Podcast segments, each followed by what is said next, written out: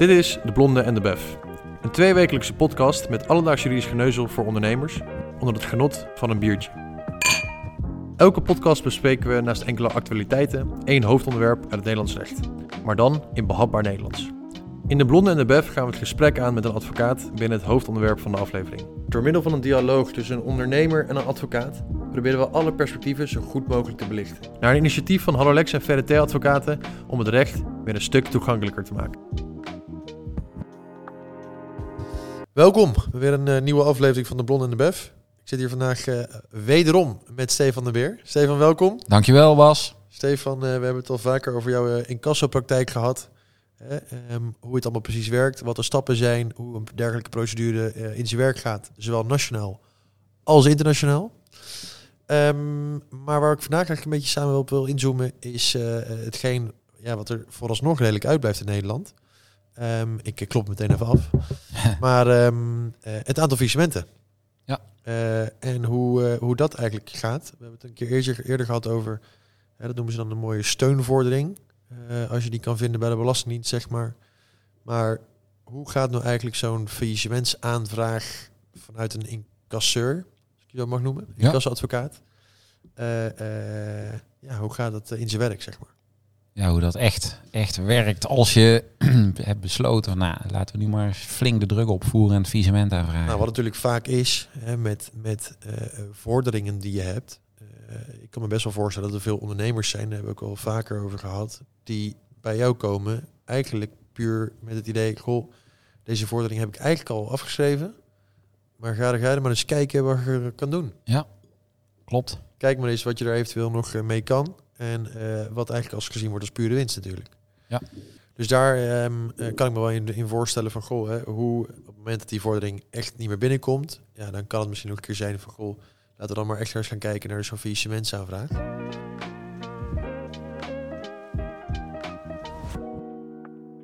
Maar hoe gaat dat dan in zijn werk?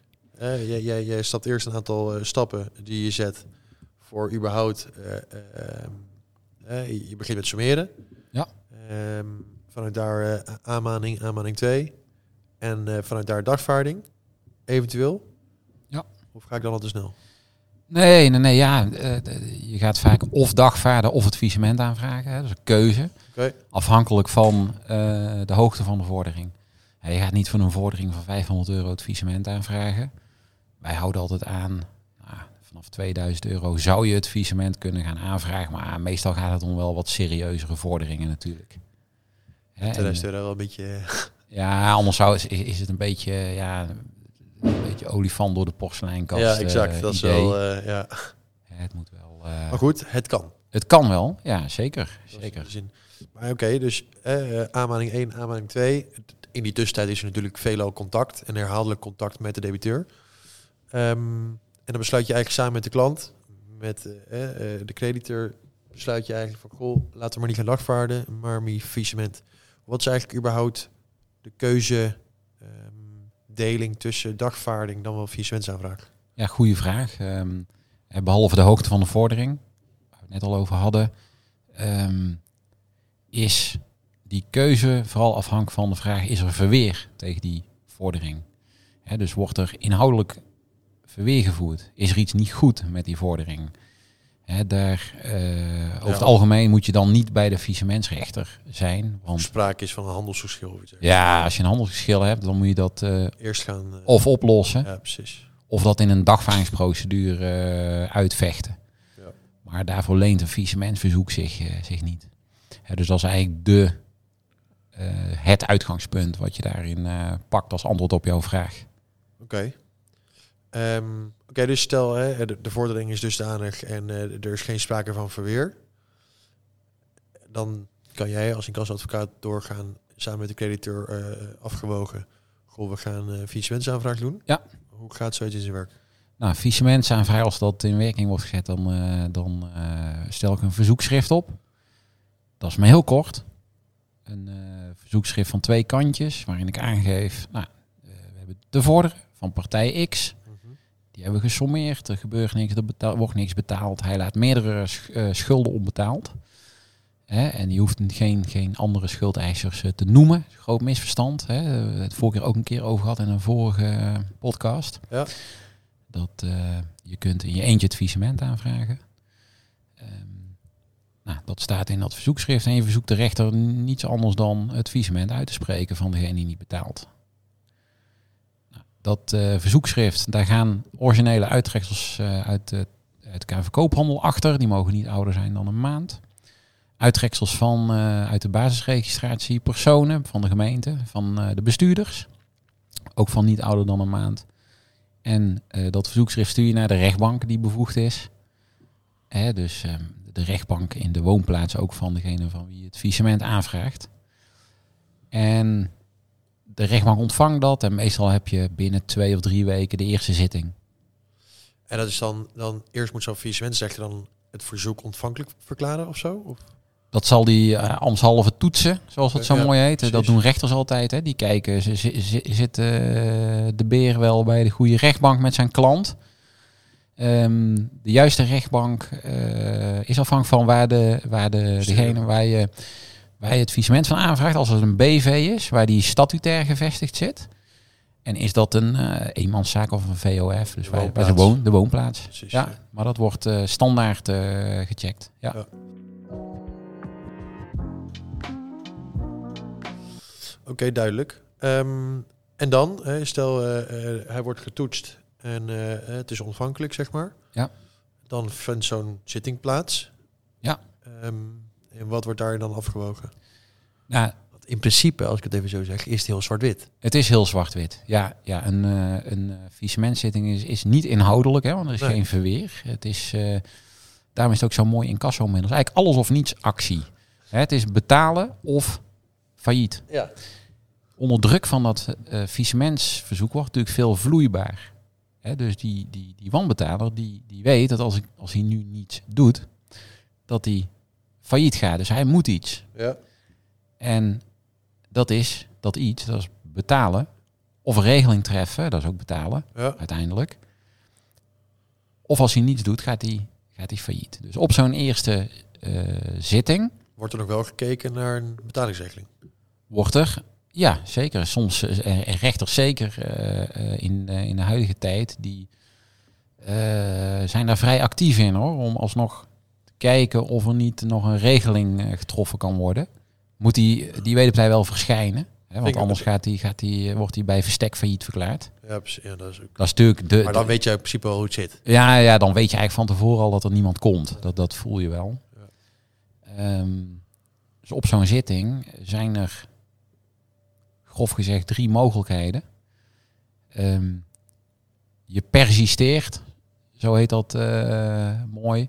En persisteren wil zeggen, nou ja, ik heb hier dit verzoek, eh, rechter. En eh, spreek het faillissement maar uit. Maar wat ook mogelijk is, is dat voor die eerste zitting, en dat gebeurt nog veel vaker, die debiteur, die wanbetaler, alsnog contact heeft opgenomen. En inderdaad een deelbetaling doet of een regeling heeft getroffen. Nou, dan kun je die, die, die faillissementsaanvraag aanhouden op die zitting. Dan ga je ook niet letterlijk naar die zitting. Maar als je persisteert, ga je naar, echt naar de rechtbank toe.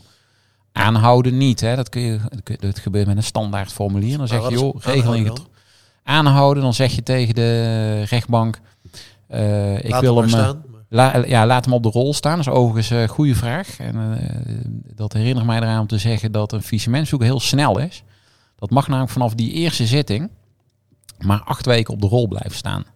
Dus in die acht weken heb je of je geld of die debiteur failliet. Maximaal die acht weken. Maar die betalingsregeling moet dan ook binnen die acht weken kunnen gaan. Ja, meestal eh, Ja, wel. de- Ja. de- moet dan de gehele vordering voldaan zijn? Of moet er binnen die acht weken een rekening getroffen zijn? ja, binnen die acht weken moet er het liefst alles betaald zijn. hè? Tuurlijk. Maar binnen die acht weken kun je ook eh, ervoor zorgen dat je zoveel mogelijk binnenhaalt. Het faillissementsverzoek intrekt. Daarna kijkt hoe die regeling ehm, daarna wordt nagekomen. Ja. Wordt die niet nagekomen, vraag je opnieuw het faillissement aan. En dan? En dan begint het balletje weer opnieuw te rollen. Dus dan is het geen versneld traject. Ja, dan, dan, is hij, dan begint hij weer van begin af aan. maar dat oké. gebeurt heel weinig hoor. Het is meestal op de eerste aanvraag is het eh, hè, binnen die acht weken alles of niets. Op die eerste zitting, of op die aangehouden tweede zitting, hè, want je mag bijvoorbeeld vier keer twee weken aanhouden binnen die acht weken. Dat gebeurt ook het meest als er wordt aangehouden. Ja. Ehm, ja, persisteren dus, doordrukken, aanhouden, maar je kunt ook intrekken. En dat, ook dat intrekken gebeurt gewoon met een formulier, standaard formulier van de, van de, de rechtspraak.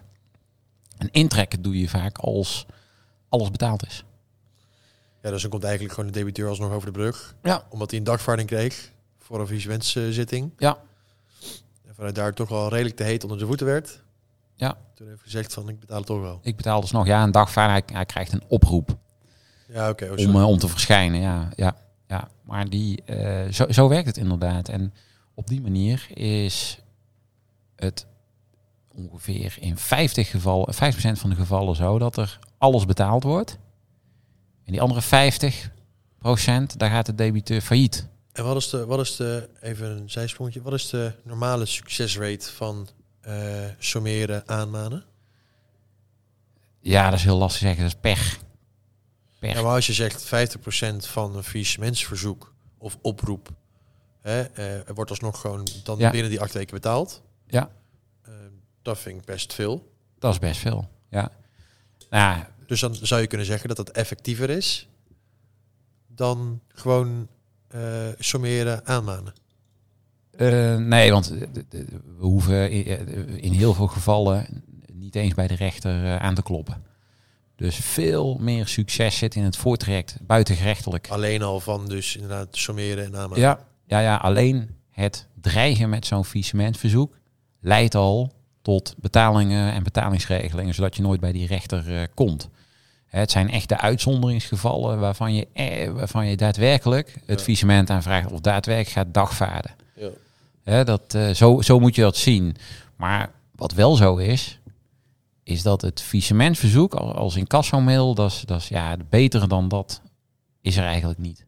Nee, dat geloof ik wel. Ik zeg, gewoon dan het dan wordt het zo heet onder de voeten. Dan, Ja. eh, Ja, Oké.